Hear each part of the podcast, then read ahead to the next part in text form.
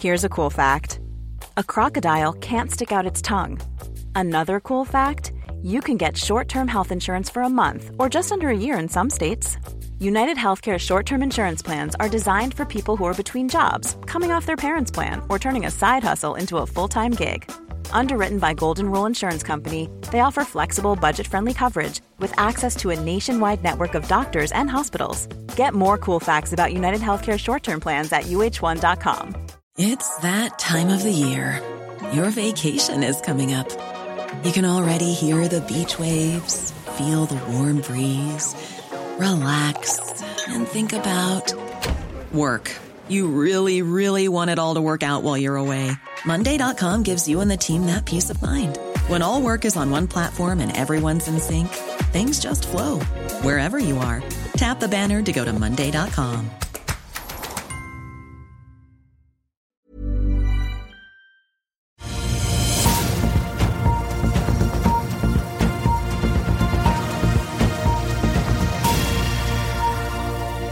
En riktig god mandagsmorgen alle sammen, og velkommen til Børsmorgen her hos oss i Finansavisen. Mitt navn er Marius Lorentzen sammen med aksjekommentator Karl Månes på plass her på Spestadammen i Oslo. Vi har kommet til 29. januar og skal gå inn i februar i løpet av uken, men før den tid så er det dukket for kvartalstall fra Ryanair. Svenske BNP-tall får vi også i dag. Boeings Max 9 er tilbake i luften, og uroen i Midtøsten og Rødehavet den fortsetter. Vi så et produkttankskip da operert av Trafigura ble truffet i helgen i Rødehavet og tok fyr. Og så er den da kinesiske eiendommen eiendomsutvikleren og giganten, får vi si, Evergrande, beordret da til å oppløses av en domstol i Hongkong. Det skal vi snakke mer om med dagens gjest Pål Ringholm om litt. Ellers er det verdt å notere seg at uken er proppfull av ting på kalenderen. I morgen på tirsdag så får vi boligpristallene Case Schiller fra USA. Oljefondet Alphabet og Microsoft kommer med kvartalstall. Onsdag så er det rentemøte i Federal Reserve, og vi får kvartalsrapporter fra DNB, Borregaard, og Maurits og Samsung. Torsdag kommer Europris, Protector, Stolt-Nielsen, Apple og Meta etter. Og så runder vi av uken med jobbtallene, da Non-Farm fra USA. Vi får også kvartalsrapporter fra eiendomssektoren i form av Norwegian Property, og også Danske Bank, som har vært å få med seg. Det er ventet at Oslo Børs vil starte opp 0,2% i dag av DNB Markets. Vi ser at hovedindeksen endte jo opp da 0,7 på fredag, og uken 1,2 i pluss. Wall Street endte ned fredag, stort sett med unntak av Dow Jones, men de klarte å notere seg en plussuke likevel. Dow Jones rundet av uken opp 0,7 samlet sett for de fem dagene. Nasdaq 0,9, SMP 500 opp 1,1. Det var også masse all time highs forrige uke.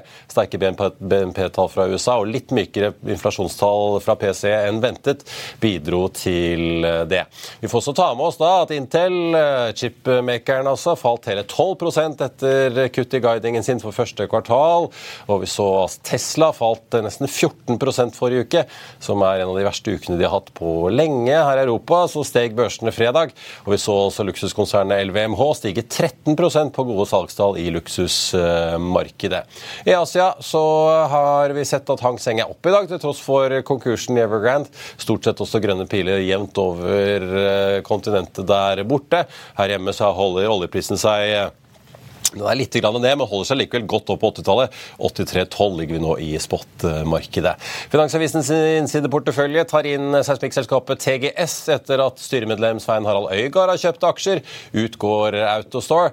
Og hvis vi holder oss også litt innenfor Svein Harald Øygards sfæren, får jeg si, så kan vi gå til Brasil, hvor han holder på. En av konkurrentene til selskapene han er involvert i der, Secrets Petroleo, de dropper reparasjonsemisjonen de kjørte i emisjonen da, som de kjørte før jul, rett og slett for kursen kursen har vært eh, for lav etter at emisjonen ble kjørt av på 9 kroner. De hentet jo da snaue 26 millioner dollar, rett under 300 millioner norske kroner før jul, men velger nå altså å droppe den siste kapitalinnhentingsrunden. Og Så er det Kambi, da, avfallshåndteringsselskapet vi hørte ble rost av Paretos Kari Eide Hartvedt her i forrige uke, og hvordan de har levert eh, på målene sine og på ordreboken. De er ute med en ny kontrakt på Hawaii, der de skal bidra til å rense kloakken i Honolulu.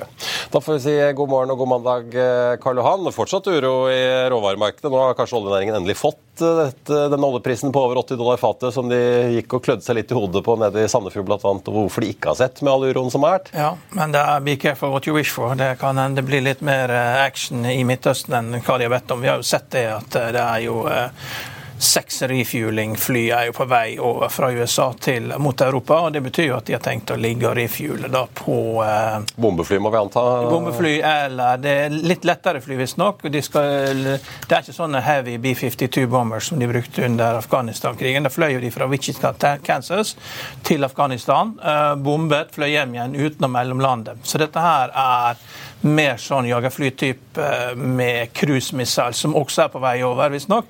Men eh, Joe Biden har sagt we're gonna strike back at our time of choosing, så det blir ikke noe sånn man flyr ikke bort og bare skyter. Men eh, det er et eller annet som skal skje. Ja. Eh, og hva de kommer til å angripe, er jo ikke så greit å vite. Men denne basen da, den ligger jo oppe i hjørnet da, i grensen mellom opp til Syria. Så de har, USA brukt denne basen da, til å beskytte veien da, fra, fra Teheran via Bagdad da, til eh, Damaskus. Da, og passe på å ha kontroll med ISIS og eh, Hezbollah og hele den gjengen der. Da. Og Den, har blitt angrepet, og nå eh, skal de slå tilbake. Og det er klart det Rødhavet er jo hett og eh, det vil bli mer hett, men eh, skipene går vel allerede rundt eh, Kapp til Gode Håp, så jeg vet ikke hvor mye annet som vil forandre seg på kort sikt ja, før prøvde, de bomber. Mersk prøvde seg jo med amerikansk marinekonvoi og ble likevel angrepet og måtte bare snu. Så ja.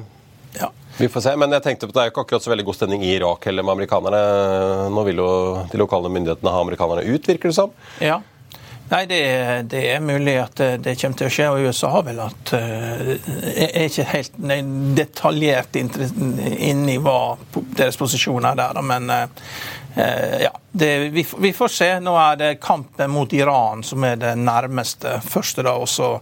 De har jo også bomba leiligheter i Damaskus og tatt ut eh, Det er jo folk fra den iranske nasjonalgarden det de er ute etter. ikke sant? Det er personer de går etter. Ja. Men du, Vi må snakke litt om uh, to andre ting òg. Uh, Nvidia, som du har skrevet om i avisen i dag. Hele superprofitten går til ett selskap. Og så ja. et hyggelig bilde av Jason Huang, ja. Eh, gründeren og sjefen i Nvidia, denne aksjen som gikk hvordan 239% på børsen i fjor. Vet, han tar ca. 40 000 dollar for en sånn brikke. og så det, De som kjøper den der, de gjør jo butikker og selger til konsummarkedet for 10 dollar i måneden for en konsumenttjeneste. Og det, det går visst også sånn ja, at, at, bedrifter da, som bruker det tungt, eh, liksom må betale 2,5 dollar per time for heavy computing av den type brikker. Men Eh, nå kommer jo tallene fra alle de andre selskapene. Jeg har jo fått både Intel og, og Texas Instruments. Jeg glemte det ennå. Det kommer i morgen, tror jeg. Ja, januar, ja. Og det er, veldig, det er, veldig, viktig i dette bildet her. For de har gått i krig mot uh, Nvidia ja. og lanserer nå egen AI-brikke. Og, og, så da er det da folk på internett som går rundt, og det sitter mye informasjon der ute. Så har regna ut at uh, det eneste som tjener penger på dette her nå, det er uh, Nvidia. Og, og de har regnet ut at de betaler ca. 5 milliarder dollar for dette her, og selger det videre til 30 milliarder dollar. Og Det er jo en 600% markup. Eh, og eh, Kan man si at det er en viss grad av software i dette? Jo da, det er sikkert software, men når, du har en verdikjede ingen andre og ASML som leverer maskiner som lager dette, de er mellom null eh, volumvekst i år, null inntektsvekst. og, og når du har en industri da, der at det er bare ett selskap som vokser, og, og kundene de har, da, det er den kinesiske stat, og så er det da startup-selskaper, som de store teknologiselskapene i USA har eh, starta, og som kjøper av seg sjøl. Nvidia har vært med å starte et selskap som heter Corvi, som kjøper brikker av eh, Nvidia. Eh, disse her, både, både, Amazon og, både Amazon og Microsoft starter selskaper som blir fundet av Venture Capital, som kjøper skytjenester av dem. Og så har jo merkelig nok. da. kjøper AWS uh, ja, Nvidia-brikker til datasentrene Ja, ja, men, men, men, at de, Nvidia selger til disse selskapene, og, og, og skytjenesteselskapene selger tjenester av seg sjøl. Men det er fundet av venturekapital. Og, og, så alle ting da, så har liksom Konkurransetilsynet begynt å interessere seg for dette. her, for Det virker, virker som at de eh, er bekymra over at man sløser bort pengene til venturekapitalistene. Det er jo sånn, det ville jo tatt seg ut da om du kom dit i Norge også, at at Konkurransetilsynet og, og Forbrukertilsynet begynte å interessere seg for at eh, disse som har investert i, eh, i, i, eiendomsprosjekter i Norge, at de blir misbrukt. da. Men det er på det nivået der. da, At, du, at de, de, har de har fikk 45 dager på seg og kom tilbake og, og med svar på hva, hva er det dere holder på med. Driver dere og, og, og kjøper og selger med dere sjøl? Hva, hva, hva, er det som foregår her? Vi kan ikke ha det sånn. Og Det er de to hovedkundegruppene har fått lov til å sette prisen sjøl. Og det er klart det, på sikt så blir AI fantastisk, men prisen på de brikkene er nødt ned. da. Og Vi har jo erfaring før eh, fra, i Norge fra en situasjon der det var bare ett selskap eller én sektor som hadde superprofitt, og det var Rex Silicon. Ja, Rex det var Rex Silicon hadde det.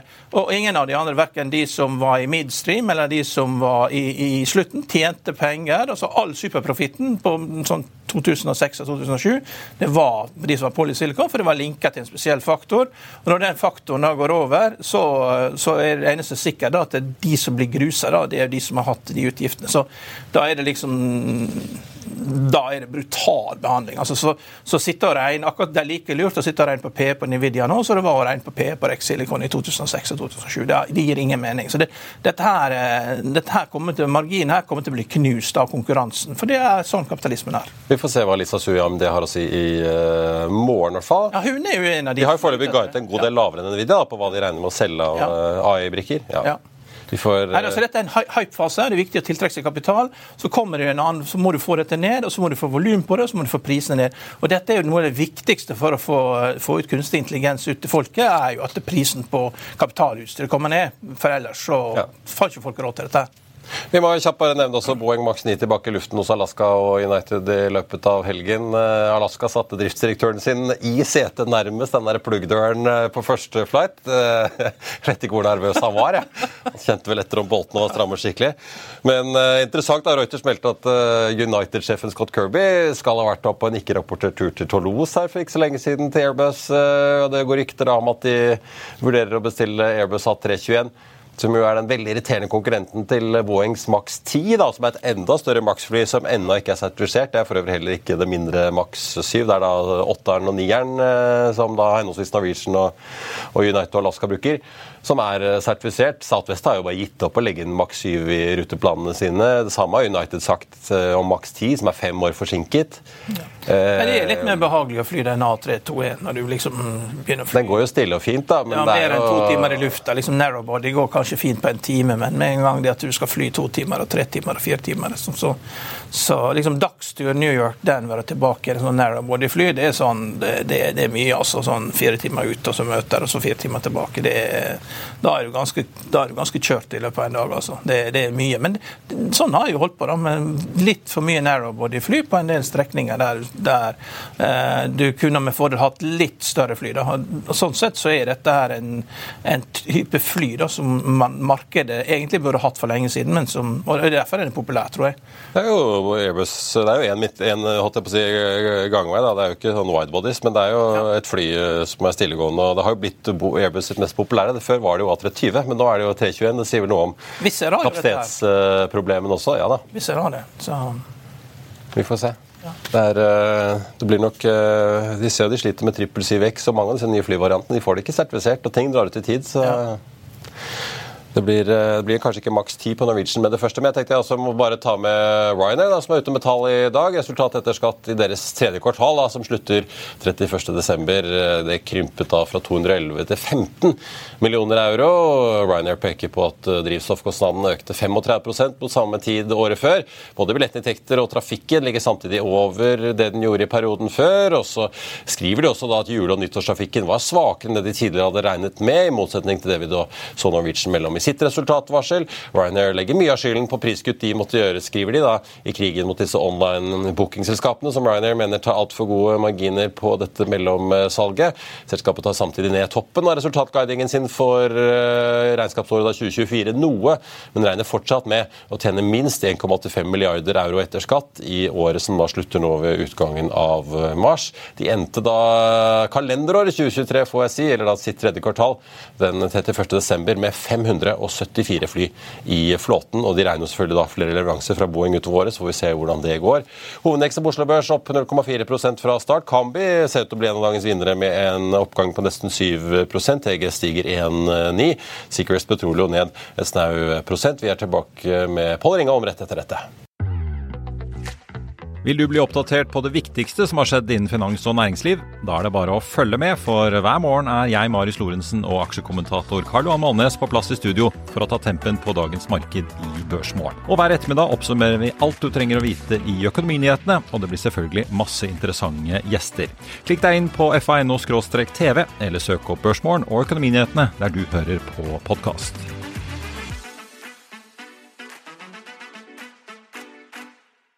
I'll see you in court. Vi sier det ofte litt på spøk, men for deg som driver business, er det aldri moro å innse at du ikke har laget en 100% gyldig kontrakt. Du bør ikke risikere hele firmaet ditt fordi du synes dette med kontrakter er litt stress. En avtale er ikke en avtale. Du kan miste kunder, miste venner, ja, til og med miste inntekter om du ikke lager en skikkelig kontrakt, på alt mulig, egentlig. Men vi vet det er et styr kopimaskiner, tregprinter og haugevis av papir. Dessuten stoler vi jo på folk her i landet. Det er ofte litt kleint å skulle be om en signatur for alt mulig, ja, for mye av styret handler også om jakten på underskriften. Det finnes en enkel måte å løse dette på, Dukkobit, en trygg, effektiv og get this, gratis måte å sikre seg en god natts søvn pluss en juridisk bindende avtale. Dukkobit-appen har de strengeste sikkerhetskrav i bunn, samt en EU-godkjent og sertifisert teknologi. Framover vil det bli behagelig å spørre du, skal vi skrive under på det, eller? Kom i gang på dukkobit.no. Vi kunne vel eh, knapt ønsket oss en bedre gjest i dag, når også kinesiske Evergrande trolig da går mot en oppløsning. Velkommen til oss, Pål Ringholm, investeringsdirektør i PKH, helse, Pensjonskassen for helseforetakene på Østlandet. Ja, ja, ja. Det er Oslo hovedstadsområde, er det? PKH. PKH. PKH, vi holder oss uh, der. Du, jeg må jo nesten skryte litt òg, fordi denne boken du har skrevet, 'Rik på gjeld', uh, Ja. ute i sitt tredje opplag nå.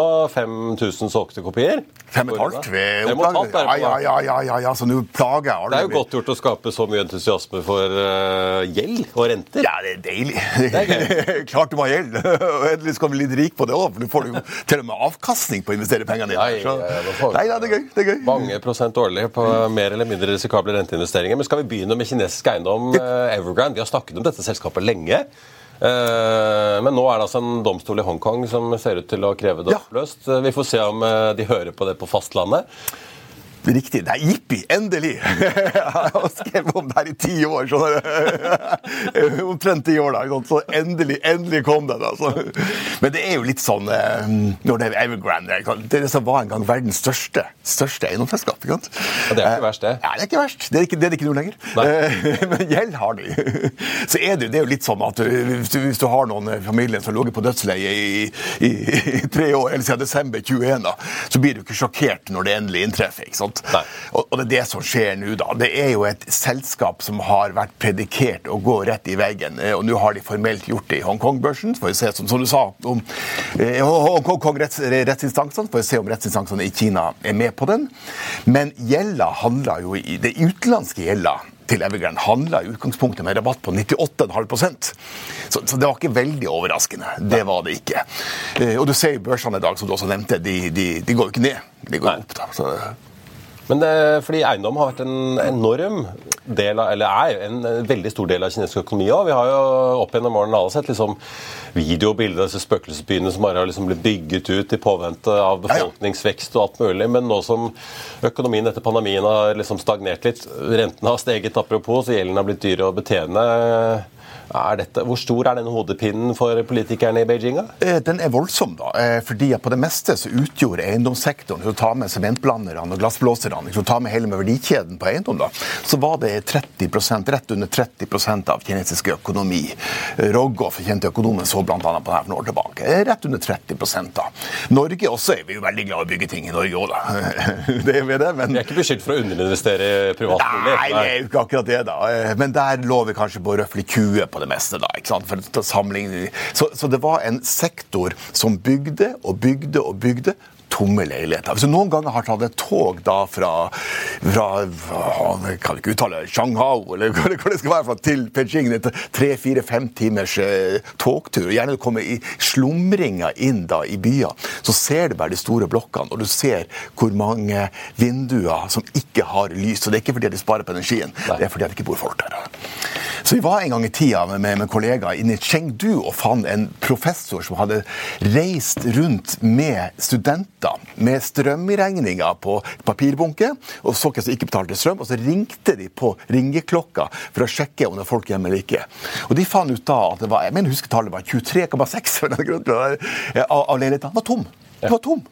Så, så det her har vært den kinesiske økonomiens store problem. Du har hatt en uproduktiv vekst som kinesiske myndigheter for noen år tilbake skjønte at det her går ikke lenger. Så de stramma jo til reguleringa av kinesisk eiendom, sel selskaper. Og det var da det virkelig begynte å gå nedover, og så har det kommet det som, det, det, det som, som har, har, skjedd i, i, i natta. I den endelige konkursen. Men børsen gikk opp. Og hvorfor det?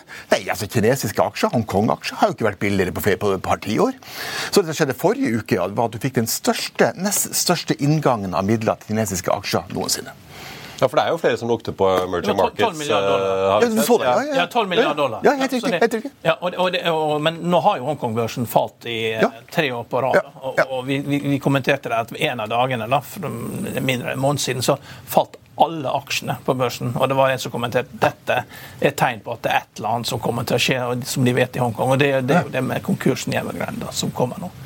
Ja, eh, men, men den, igjen, hvis du ser på gjeldsmarkedet Når et gjeldsmarked har sagt at det er bare 1,5 igjen av verdien på det gjelda du lånt ut eh, altså Det er jo min, det er en par måneders kupong, ja. rentekuvebetaling, så har det sagt at eh, det var 100% sannsynlig at det kom til å skje. Så nå har det skjedd. ikke sant? Og en analytiker som jeg, som har vært før i tida, som alltid var liksom litt for ivrig på grøten, litt for tidlig ute, ikke sant? har jo holdt på og trodd det her i ja, tiår. ikke sant? Så, så nå er det formelt. Fine. Men, men, men, de pengene som gikk inn forrige uke, 12 ja. milliarder, de ja. kan jo gå ut igjen denne uka, så børsen kan jo falle. om fordi det, var De pengene går jo inn til å kjøpe aksjer i dag og i morgen. det er jo De som putter dette her inn, det kan hende de angrer på det. Men, men du, du, du, er jo ekspert på gjeld, og du har jo sånn du har, Han Gavekall, da, eller vet, er det sånn ekspert, ja, ja, Han har jo sagt at man må ikke kjøpe aksjer i uh, Kina, man må kjøpe gjelden. Men så resten av gjeldsmarkedet i Kina, det anbefaler jo han. Hvorfor gjør han det? Hva er det som er attraktivt med gjeldsmarkedet i Kina? Nå når Gavecal, da, eh, både, både, både, senior og hans nevø, nevø for øvrig, som jeg har møtt, eh, prater om gjeld, så er det ofte de kinesiske gjeldene. Så er det statsgjeldene. Så hvis du charter de siste ti årene La oss si vi går ti år tilbake i tid, da. ikke sant? Og de begynte å skrive om kinesiske gjelder. ikke sant? Hva er det som har gitt best avkastning? Kinesisk statsgjeld, eh, tysk statsgjeld, amerikansk statsgjeld eller gull? Vel, det er gull til kinesisk gjeld. Det er sølv til gull. og så har jo gjeld statsgjeld i USA og, eh, og Tyskland vært en helt grusom investering. Så det har vært perspektivet. Gjeld i framvoksende land, emerging land, statsgjeld, eh, og kan fortsatt være en, en, en, god investering. Det er land som ikke har kjørt på med kvantitative lettelser og det ene og det andre, men har drevet mye mer konservativ både finanspolitikk og pengepolitikk, og kan, kan og har vist seg å være en bedre investering. Og betaler selvfølgelig mye høyere løpende renter. Og i, i, i, ja. I, i tillegg gjør det det. da. Så, så, så frem til å holde deg unna Sri Lanka eller andre. Så er, Investerer du i den type papirer? Uh, ja, vi har uh, eksponering uh, Vi har mange strategier. ikke sant? Og En av de er emerging market hard currency. så det vil si at vi da låner ut til den type land, men vi gjør det i dollar.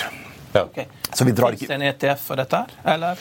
Det vet jeg ikke. Ja, det gjør det nok sikkert. Vi bruker en forvalter akkurat her. For akkurat her ønsker du faktisk å bruke forvalter. for det er relativt Hvilken forvalter er det som har dette her, da?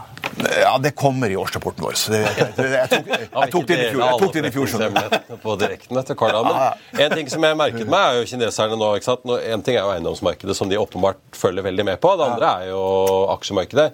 Hvor de nå plutselig har begynt å justere litt på hvor mye kapital bankene må sitte med. Virker det som et sånn forsøk på å stimulere økonomien. da det klassiske kan dette, Når vi nå ser Evergrande velte, så ser du myndighetene sier at bankene trenger ikke ha så mye kapital på bøkene lenger i bakhånd. Er det ting som bør bekymre oss med tanke på smitteeffekt ut av Kina? Mm, ikke Ikke noe annet enn det vi visste fra før. Eh, Så ta, ta fjoråret. Hva, hva var det som litt overraska? Det var det det som alle, alle, De fleste andre hadde vel en tro på at Kina skulle komme kraftfullt tilbake liksom, eh, etter de hadde stengt ned for covid for andre gang. da, ikke sant? Eller tredje gang. når det var. Eh, Og så fikk du litt, sånn, litt opp, og så ble det bare nedover. Eh, Og der, og der eiendomsmarkedet hadde dratt ned. Altså, jeg tenker mest av alt at det med eiendom ikke er en ny historie. Selvfølgelig kan det komme ut av kontroll, det kan det gjøre, men de kinesere er ganske flinke på å holde kontrollen. Så jeg er ikke så bekymra for det. Dette er en, en, en, en lang, lang prosess på å eh, ta ut luft av en del av økonomien som ikke lenger er produktiv. Eh, mest sannsynlig så klarer de å gjøre det på en kontrollert måte. Så det er risiko for det går galt, selvfølgelig. da. Eh, og det er risiko for at andre ting kan gå galt om Taiwan er hva det er for noe. da. Men eh, det er ikke sånn at vi våkner opp i dag morges og skal være mer bekymra enn vi var i går. Bare fordi det er greiene gikk over. det har egentlig bare blitt en forløsning på det vi alle gikk og ventet på. Godt oppsummert. Ja. Eh, Jeg merket med Philip Sissener, som jo forvalter et rentefond her i Norge, skrev jo i FA nylig at eh, Og det hørte vi jo for så vidt også fra Alfred Berg eh, litt før jul. At misligholdsratene er jo på vei oppover, eh, i hvert fall i high yield-markedet. liksom I ferd med å bryte gjennom et historisk snitt. Så nå får vi se hvem som har svømt naken, som det så fint eh, heter. Eh, Det var vel Under finanskrisen var vel misligholdsraten oppe i 30% på high yield. og så har vi jo, Jeg tror snittet sist vi pekte på er sånn 5,5, og så under pandemien var vi oppe i 10, og nå er vi liksom krysset rundt 5,5 igjen. Ifølge han da, i hvert fall. Hva, hva ser du nå skjer liksom i eh, gjeldsmarkedet ellers? Er det mange som begynner å slite med rentenivået? da? Ja, ja, ja altså, Det er jo en kjempemorsom problemstilling. og Det er jo så mange zombiebedrifter. Det er stort spørsmål, jeg vet det, men Jeg vet det i USA at det, det, du, du klarer knapt å telle det. Men eh, du må dele markedet i, kan dele markedet i to. da, La oss, og, la oss begynne globalt. da. Så Det typiske er at når du får en, en, en hard resesjon, så går misligholdsraten globalt da, globalt da, opp i 10-11 det, det, det er det typiske. Snittet er på 4,5 ish, et eller annet sånt. Ok. Kommer det til å, Hvis det, hvis det blir resesjon eh, nå eller neste år, kommer det til å kommer nødvendigvis til å se 10 Ikke helt sikkert. Fordi at en del av lufta i, i krittmarkedet gikk litt ut gjennom covid. En- Du fikk rydda litt ut der, da. Det er det ene. Og det andre i det børsnoterte high yield-markedet, altså det som eh, obligasjoner som er børsnotert, så er det ikke så mange av de aller svakeste såkalt trippel C-bedriftene som det har vært tidligere. De har forlatt det markedet og gått til et annet marked. Et marked som private debt. Det var det jeg skulle til å si. Ja, ja, ja, vet For der er det, det er veldig mange av disse forvalterne globalt er veldig gira på private Ja, ja, ja. Og, og investerer også i private debt, men der er det veldig, handler det veldig om å finne ordentlige forvaltere. Der er det mye bra og mye dårlig. Eh, Så du har det markedet der, og så har du det tredje markedet, cap-markedet, eller leverage loans-markedet, som er bankenes eget high-marked. Det stoppa opp i fjor, så, eh, det er også mer, mer gira. Det er mer utsatte bedrifter der enn du har i high-yield-markedet. Så de private markedene eh, er, er ved neste nedtur er potensielt mer utsatte enn det børsnoterte high-yield-markedet. Ja. Men er det, ja, men er private debt liksom er det, For du sier det er viktig å velge forvalter, da. Ja, veldig. Men betyr det at det er mye der som som likevel får penger av dårlige selskaper, da, som egentlig kanskje ikke burde fått det? Kanskje, kanskje det har vært veldig inflow i kapital og det er ikke så rart heller. Det er et marked der du kan få nå røftlig løpende 9-10% yield som investor. ikke sant? Eh, og med mindre de har investert i et forrykende dårlig selskap, så er det ofte du kan få en såkalt first lien, en førsteprioritetsposisjon. da. Så hvis selskapet går konkurs, og private equity-sponsoren, eieren, kaster kortene, ja, så får du overta det. Og hvis det er liv laga i selskapet, så kan du, kjø- kan du kjøre det Se altså worst case at du overtar selskapet og får kjøre det videre. Så taper du kanskje litt penger, men kanskje ikke all, all verden så mye. Så ergo, det, det handler om god struktur der, og nedsida er nødvendigvis ikke så stor der. da. Men risiko er det, for all del. Jeg tenker mange småsparere søker seg jo til eh, renteinvesteringer Ja. og gjeldsmarkedene og blir kanskje lokket av å se liksom, løpende avkastning har gjeldt på pluss-minus 10, og Ja. med grade er det vel på 6-7, kanskje et sted 8 hvis du er litt heldig. Og likviditetsfond er jo fort 4-5. Fem, ja, Ja. fem, ja. ja. Men hvis, hvis man liksom tenker at mm, nå har jeg lyst til å ha et, sette penger et sted. Ok, du får en grei løpende avkastning, men jeg skal ha, også ha litt nedsidebeskyttelse hvis det smeller. da.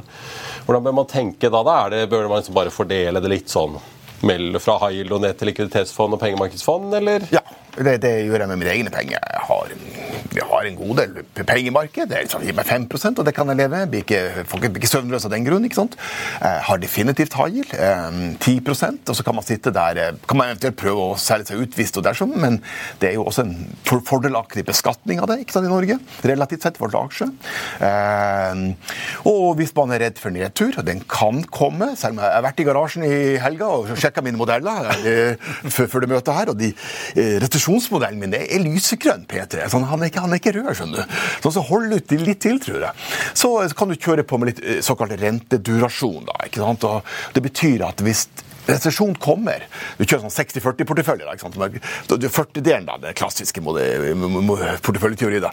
Eh, hvis resesjon kommer og renta går ned en prosentpoeng, så får du gevinst når det ligger i rente. da. Ja. Så, så lag en miks. Det er mest fornuftig hvis du har penger nok til å gjøre det. Ja, for det er selv om eh, det var vel, ja, 2022 var det vel, hvor det var både aksjer og renter fikk seg en uh, kjempesmell. Uh, 20, uh, kanskje... Det har jeg sagt det før. Jeg. 2022 for en internasjonal investor i rente var det verste året siden den franske revolusjonen. Altså, det, det, det... Ja, det skulle til å si, men da må man kanskje ikke la seg forlede til å tro at 60-40 og det å sitte med renter hvis det smeller og rentene blir ja, men, sånn, men poenget var at jeg, jeg, satt på det loftet da i 21 i Frankrike, i Paris, i under covid, uten voksenkontakt og skrev boka. ikke sant? Ja. Og det, det var mens renta var null. Det var den, den, den, den tiden. Husker dere den? Da kapitalen var gratis. Ja. den helt sprø perioden. Du kunne bare ringe banken og få økt takst og, og, og, og få seg ny elbil. Ja. Absolutt. Og det er folk innenfor næringseiendom i Sverige og Norge trodde at dette var vedvarende. Det skal alltid være sånn. Så kom heldigvis 2022. Grusomt for mange. Vi kan godt ta, ro på nærings, næringseiendom i Norge. Eh, vi kommer til å, over to år har jeg skrevet ned næringseiendom med nærmere 30% 30 Eh, fordi at kapitalen ikke lenger var gratis. Ikke sant? Tidligere investeringer. Og, og eh, Noen har skrevet ned 20. Da har du sannsynligvis gullkrana på, på, på, do. Eh, hvis du ikke har skrevet ned 20-30% på næringseiendommer de to siste årene i Norge, akkumulativt sett, så har du en, en, en revisor med en dyskalkuluksi. fordi at kapitalen er ikke lenger gratis. Og, men det er stor grad repriser. da, ikke sant? Ja. Og når det er repriser, så kan du også gå inn i rentemarkedet og få betalt på anstendig måte. ikke sant? Ja. Men det, vi må snakke om det store, det er jo dollaren. ikke sant? Akkurat nå så går, jeg har jo sånn beige-stipning, at både renter og langrenter går litt opp. da. Og, og eh, Den amerikanske staten finansierer seg veldig mye i den korte enden. og Det betyr jo at de har jo planer om å få ned renta, og at den skal bli vesentlig under den lange renta. Og eh, Vi er jo på vei i en situasjon der at renteutgiftene i, i USA går over skatteinntektene. Og da, ja. da kommer vi i en ny situasjon. og eh, jeg var jo hørte på Tore Johnsen på, på NHH. 40% av oljefondet er jo rett og slett bare at dollaren har styrka seg. Og Når da USA kutter renten, fordi de bare kutter renten og trykker den ned, da blir det inflasjon. og da De ofrer altså dollaren for å beskytte banksystemet sitt. Hvordan ser, ser du dette spilles ut på tradisjonell måte, eller tror du det at ting kan komme litt ut av kontroll? Eh, ja, ting kan du alltid komme til å kontrollere. er så deilig med finans. Ja, men, men, jeg tror vel eh, først av alt at Fed er veldig opptatt av å og nå prøve å bevare det de har igjen av et godt navn og rykte. At det rota seg litt bort og fornekta inflasjon her for et par år siden, og det ene og det andre. Ja, sånn at eh, jeg vil tippe at først kommer de til å få ned inflasjon på to, og kanskje har de flaks kommer under. Og så eh, kan du hende der, Når de har gjort det, da, når det er på plass, check, så kan de begynne å endre litt på reglene. Mm. Da kan de si at nei, for framtida, for det ønsker myndighetene hvis du har mye gjeld, så kan vi kanskje tillate en litt høyere inflasjon. 2,5. Hva det er for noe. Og, og, og, det jeg tror da over de neste årene i vår del av verden, da, av flere grunner det, det grønne skiftet ja, Kjersti Haugland i Markets var på ja. besøk her på torsdag ja, etter rentemøtet i SEB og Norges Bank, og pekte nettopp på det at de bl.a. det grønne skiftet kommer til å drive prisveksten hardere. Grønne skiftet, der vi kommer til å investere mye mindre enn man ønsker, men det grønne skiftet. Eh, framveksten av radikale politikere, som gjør at moderate politikere til makten kommer til å endre atferd. Og, og framveksten da, som vi allerede, der vi allerede er, i vår del av verden, med mye gjeld, kommer til i sum til å medføre et, resultere i et ønske om høyere inflasjon. Og det er en måte, det gamle, fine trikset som har fungert de to siste hundre årene, med å få ned statsgjelda. Jeg husker jo Nicolai Tangen eh, han snakket om hvordan han, de tok grepet i oljefondet med å gå ned på durasjon. for å unngå den verste rentesmellen i 2022. Han er jo vært uh, gjort Kanskje det er dollargrep som er det nye? da, At eh, de må gjøre en eller annen sånn sikring uh, hvis dollaren skulle svekke seg? Kanskje, men han tapte allikevel veldig mye penger. da. Man, Ja, innenfor sitt mandat, så- så- så- ja, Han må jo holde seg innenfor ganske strenge rammer, da, men uh, det- det det ble litt mindre enn det kunne Absolutt, Ja. men bare se på hvor mye de tapte i 2022. Men det var fint gjort, for all del. Ja. Eh, og ellers, valuta, spå valuta. Det finnes ikke noe vanskeligere i livet. Nei, men, men dollarsyklusen er jo der likevel. Man må Ja. jo ikke være blind for det. At, eh, det, det, å, det å spå på det korte så er vanskelig. Ja, det men, eh, men når USA kutter renten for å bevare bankvesenet Og vi vet jo at lånene er jo nede på markedsverdi. altså du, Egenkapitalen er jo tapt på veldig mye commercial real estate i USA. Og, ja. og, og da, eh, da får du ikke refinansiering. Og, og skal du beskytte bankene, så må du uh, ofre dollaren. Du må, da, og det gjør du ved å kutte renta. Og det, Ja. Det eneste er at det som Ja. kan bli litt overraskende i år, vi vet ikke. Det kan jo hende at rentekuttene som vi tror kommer, da, kan bli mer som backloaded, da, altså dårlig norsk. da. Men, men det kommer senere enn tidligere. ikke sant? Det kan være en ting som kan overraske markedet, fordi de ønsker tross alt å ha kontroll først på denne eh, inflasjonen. Og så har vi vært innom Rødehavet eller andre ting. Plutselig får det et eller annet så kommer midt i fleisen på oss. Det vet vi ikke. Ja. Det kan skje. Det har skjedd før på 70-tallet. Men vi får se. Lagaid og mange som er veldig opptatt av å skyve forventningene ut i tid da, på disse rentekuttene. I hvert fall over sommeren, så får vi se. Men skal vi bare runde av kort med næringseiendom? fordi Ja. Litt det du sier, da. 20-30 ned Ja, ja. I Norden. Men veldig mange I, i, No- I Norge. Ja, ja i Norge. Ja, i Ja, Norge. Ja, ja. I Sverige er det kanskje mer? Ja. Ja, det, er- i hvert fall 30 har typisk uh, implisitt uh, aksjemarkedene priset inn. De fikk, seg de fikk aksjemarkedet i Sverige en boost opp da på det crap-rallyet Fra oktober utover. Helt riktig, november, Ja, men hvor tror, du, for hvor tror du dette skal da? Når, altså Uansett om det er i obligasjonslån eller på bankenes egen lånebalanse. Dette, altså hvis dette går galt, så er det jo et kjempeproblem for veldig mange. Veldig mange rentefond sitter med Ja, ja. obligasjoner til Heimsdal Ja. og alle disse selskapene. Og, Så det ligger jo på en måte spredd utover. Finanssystemet rund baut. da. Ok, vi har fått fall i kurs, aksjekurs på disse selskapene, men uh, hvordan tror du dette kan spille seg ut hvis det er sånn at rentenivået ikke kommer ned med det første? da? Nei, altså det, det som er spennende her, det er jo det at det, det, aktiviteten i næringseiendom la oss holde oss til Norge, da, eh, har tatt seg opp i det siste. Det er begynt å bli omsetninger. Man har det GIL-begrepet som på en måte konsensus ligger på 4,75. Altså Hvis det er 5, da, så betaler du 20 ganger i inntjeninga? For, å ta det inverset av det. Eh, Det er bare det at siden denne konsensusen at nå er vi i gang igjen, så har den norske femårsrenta det som måte er relevant. da. Den har gått opp ca. 40 punkter, altså 0,4 prosentpoeng. da. Så det har vært en Renta har økt i løpet av året, men eiendomsmarkedet har ikke brydd seg om det. De, så en- eiendomsmarkedet tror at de er flinkere på rente enn rentemarkedet tror sjøl. Se. Det kan, være, det kan være et blaff, det kan være en reaksjon etter den kraftige rentegangen som var i november-desember, for, for all del. Jeg vet ikke. Jeg synes jeg, har vært- vært- jeg, hadde mye, hadde, jeg hatt veldig klare synspunkter på renta sånn investeringsmessig de to siste årene. som har vært. Først skulle den opp, og så skulle den til slutt sprekke det på slutten av året. Vi har posisjonert av det. Jeg er mye mer usikker nå med inngangen til dette året. Det er, mye, det er så mye komponenter som ligger der som er veldig vanskelig å predikere. Fra geopolitikk til resesjon, når tid det kommer, når tid kommer rentenedgangen. Men sektoren er fortsatt eh, og hvis du da tar med Sverige, det er fortsatt usikkerhet. er Det klart. Det, du, det store risikoen er at du får de øyeblikkene der eh, sånn det minske moment, der det én aktørs problem blir et problem for alle. ikke sant? Når én eller to store aktører går over ende. Det har vi ikke opplevd ennå, men det kan fortsatt skje i Sverige. så Det er ikke urimelig. urimelig. sitter jo på krysseierskap Nei, ja, det- rund baut, og jammen meg er to av dem Ja, det- alle entra, eller hva det er. Og ja, da. Det ser ikke ut, men prater du svenskene, så tror de at staten skal berge dem. så det, vi får se. Og kanskje, kanskje, kanskje blir de berga på at inflasjonen bare går rett ned igjen. Det kan skje, ikke sant? og renta likeså. Vi får se. Svensker har jo tradisjon for å gi garantier. Eh, Det gjorde jo under bankkrisen. ikke sant? Ja da. Eh, De, de, går jo ikke, de, de blir jo ikke konk, men det gir garantier som gjør at du kan jobbe deg ut av det. Ja, så, eh, så, eh, og igjen tilbake til norske næringseiendom. Har du, hvis du har en revisor som kan, som kan regne, da, ikke sant, som ikke, ikke sliter med kronisk dyskalkulisi, så har du skrevet ned verdiene dine når, når du avlegger årsregnskapet nå fortløpende. Ja. så får dere jo her i studio sjekke hva mye, mye man har skrevet ned. Det er mye mer behagelig å legge fram en regnskap med bare EBITDA, og så fortelle at regnskapet kommer senere. Kvartalsoppdateringer, det er bra. Kan man gå litt sånn selektivt til verks? Men det er mest smarte er å ta smerten med en gang. Nei, det er ikke det. Nei, jeg vet det, det er, de, de, mange som ikke liker det, men det er veldig smart. Bli ferdig med det. Vi får følge med på Guillaume. Eh, det viktigste er vel at eh, belegget er bra i disse kontor- og næringsbyggene, har jeg skjønt. Så får vi se hvordan det går. Veldig hyggelig at du ville komme innom oss. Ha en riktig god uke, så får vi se hva Drome sier på onsdag kveld. Takk også, Karl Johan. Tenkte bare å nevne på tampen av sendingen at hovedindeksen ligger opp da, 0,2% med da eh, avfallshåndteringsselskapet Kambi ganske solid solid an med en oppgang på litt over 6 eh, det, Carnegie har regnet litt på DNB, som da kom med kvartalsrapporten sin til uken nå. Nedgraderer fra kjøp til hold, men løfter kursmålet en femkroning da til 2,30. DNB endte fredag på 2,15.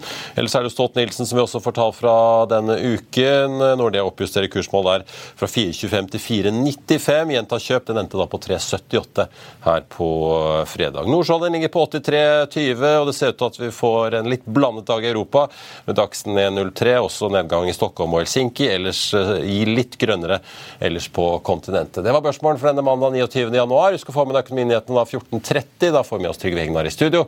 I mellomtiden så får du siste nytt på F1 og gjennom hele dagen. Ha en riktig god dag og uke alle sammen. Vi ses.